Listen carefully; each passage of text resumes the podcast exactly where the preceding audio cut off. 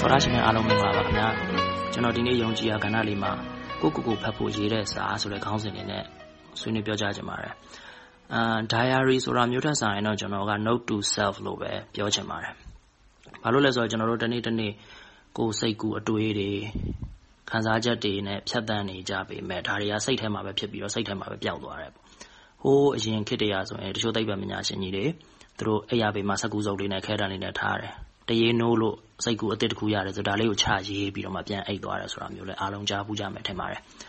ဒါမျိုးအမှုအကျင့်လေးကိုကျွန်တော်တို့ကလက်တွေ့ဘဝမှာလုပ်လို့မရဘူးလားကျွန်တော်တို့ကိုယ်နဲ့မကွာအမြဲတမ်းရှိနေတဲ့ဖုန်းထဲမှာအချိန်မျိုးချမှတ်ထားလိုက်လို့ရတဲ့အခြေအနေတစ်ခုကိုရောက်နေပြီဒီလိုချမှတ်ခြင်းအပြင်ကိုယ်စိတ်ထဲမှာပဲရှိနေတဲ့အတွေးတစားကကိုမျက်စိနဲ့မြင်ရတဲ့အခြေအနေတစ်ခုကိုရောက်လာတယ်ပို့ပြီးတော့တိတိကျကျပြပြပြင်းပြင်းမျက်စိနဲ့မြင်လာရတယ်အဲ့တော့ကိုယ့်ရဲ့အိမ်မက်တွေဆိုလို့ရှိရင်ဒါကိုယ်နဲ့တဆင့်ပိုနီးစပ်လာတယ် အဲခံစားချက်တွေကျွန်တော်တို့စိတ်တအားဆိုးတယ်စိတ်ဓာတ်တွေကျတယ်ဆိုလို့ရှိရင်မိတ်ဆွေတငယ်ချင်းတယောက်ကိုလိုက်ရှာပြီးပြောဖို့ဆိုတာအမြဲတော့မလွယ်နိုင်ဘူးအဲ့တော့ဒါမျိုးကြလို့ရှိရင်စာမျက်နှာတွေကသူတို့ကကိုယ်စိတ်တဲ့ဖြစ်တဲ့မြောင်နားထောင်ပေးတဲ့အခါကျတော့ဒါဒီကိုယ်စိတ်ထွက်ပေါက်တစ်ခုလည်းဖြစ်လာတယ်အဲ့တော့ဒီလိုမျိုးသာကိုကိုကိုဖတ်ဖို့စာရေးတဲ့အကျင့်လေးဖြစ်လာပြီဆိုလို့ရှိရင်ဒါသူတို့ကကိုယ့်ရဲ့တိုးတက်လာခြင်းမတိုးတက်လာခြင်းတွေကိုလည်းသူတို့ထောက်ပြလာနိုင်တယ်ကိုယ်အိမ်မက်တွေနဲ့နီးလာလားဝေးသွားလားကိုယ်ဘာတွေပြောင်းလဲသွားလဲ အဲအချိန်တော်တော်လေးကြာသွားပြီဆိုလို့ရှိရင်နောက်ထပ်ရလာတဲ့အကျိုးတစ်ခုကကျွန်တော်တို့မကြာခဏစိတ်သက်ကြတတ်တယ်အဲ့တော့စိတ်သက်ကြပြီဆိုလို့ရှိရင်ဟာငါဒီတစ်ခေါက်တော့အဆိုးဆုံးပဲငါတအားစိတ်သက်ကြနေပြီဆက်သွားလို့မဖြစ်နိုင်တော့ဘူးဆိုတဲ့အခြေအနေမျိုးမှာ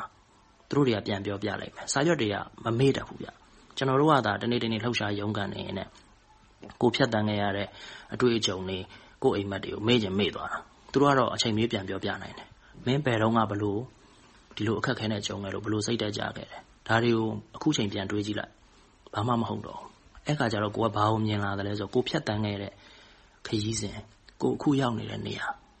ဒါတွေကိုမြင်လာတဲ့အခါမှာကိုရှေ့ဆက်မဲ့လမ်းအတွက်တွန်းအားတွေဖြစ်လာတယ်လို့တော့ကျွန်တော်ကတော့ယုံကြည်တယ်အဲ့တော့ဒီဖြစ်လာတဲ့တွန်းအားကဒီတက်ကြမ်းနေဘာတွေကိုဖတ်ပြီးတော့ရလာတဲ့ဘယ် motivation နဲ့မှမတူဘူးဒါကိုအတွေ့အကြုံတွေကကိုပြန်ရတဲ့သင်ခန်းစာကိုအတွေ့အကြုံတွေကပြန်ရတဲ့တွန်းအား ဒါပေမဲ့ဒီတွန်းအားရဖို့အတွက်ကတော့အခုကျွန်တော်ပြောနေတယ်လို့မျိုးကိုကိုကိုဖတ်ဖို့စာရေးထားမှပဲရလိမ့်မယ်အဲ့တော့စာမရေးတတ်ဘူးဆိုတာမျိုးကတော့စင်ကြီးမဟုတ်ဘူးလို့တော့ကျွန်တော်ထင်တယ်ဘာဖြစ်လို့ဆိုကိုသူများဖတ်ဖို့ရေးတာမှမဟုတ်တာကိုဖတ်ကိုဖတ်ဖို့ရေးတာပဲစာရေးဆရာနာမည်ကြီးတွေတောင်မှသူတို့ပထမဆုံးစာအုပ်ကိုရအောင်ရေးပြီးတော့မှနောက်ထပ်စာအုပ်ပေါင်းမြောက်များစွာနဲ့နာမည်ကြီးလာတာမျိုးပေါ့သူတို့တွေဆိုအများနဲ့ပြောလို့ရှိတယ်အာကိုငငယ်တော့ပထမဆုံးထုတ်ခဲ့တဲ့စာအုပ်ဆိုရင်ပြန်မဖတ်ပြရစေနဲ့ ရှက်လို့ပါပါညာနဲ့ဟာတာပေါ့နော်ကျွန်တော်တို့လည်းအခုကိုယ့်ရဲ့ပထမဆုံးစာမျက်နှာကိုကိုရေးတဲ့အကျင့်လေးလောက်ကြည့်စေခြင်းနဲ့အဲ့တော့ဒီစာမျက်နှာနဲ့နောက်ပိုင်းစာမျက်နှာတွေထပ်ထပ်ထပ်ထပ်ဖြစ်လာတဲ့အချိန်မှာကိုဘဝမှတ်တမ်းတစ်ခုကိုအချိန်မီပြန်ကြည့်လို့ရတဲ့မှတ်တမ်းတစ်ခုဖြစ်လာနိုင်စရာရှိပါတယ်တကယ်လို့များပေါ့နော်ကျွန်တော်တို့ဒီ Diary of Anne Frank လိုမျိုးတစ်ချိန်ချိန်မှာကိုယ်စာတွေကနာမည်မကြီးသွားဘူးလို့လည်းကျွန်တော်တို့မပြောနိုင်ပါဘူးကျွန်တော်တို့စာရေးဆရာကြီး Edgar Allan Poe ဆိုလို့ရှိရင်လည်းသူ မရှိတော့တဲ့အချိန်မှာသူရေးခဲ့တဲ့စာတွေကပြန်နာမည်ကြီးတာပေါ့နော်ဒါကတော့ကျွန်တော်ဖြည့်စွာပြောတာပါအဲ့တော့ကျွန်တော်ဒီနေ့ပြောတဲ့အကြောင်းအရာလေးကတော့ဒီကိုကိုကိုကိုကိုဖတ်ဖို့ရေးတဲ့စာ note to self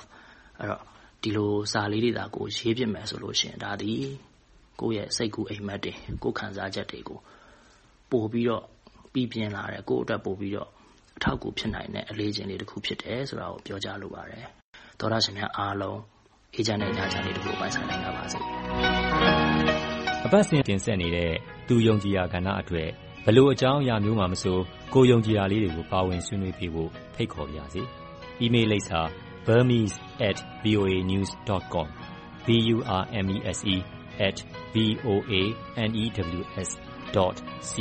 ကိုစာရေးပြီးဆက်သွယ်ရမယ့်တယ်လီဖုန်းနံပါတ်ကိုအကြောင်းကြားလိုက်ပါခင်ဗျာကျွန်တော်ပြန်ဆက်သွယ်ပါမယ်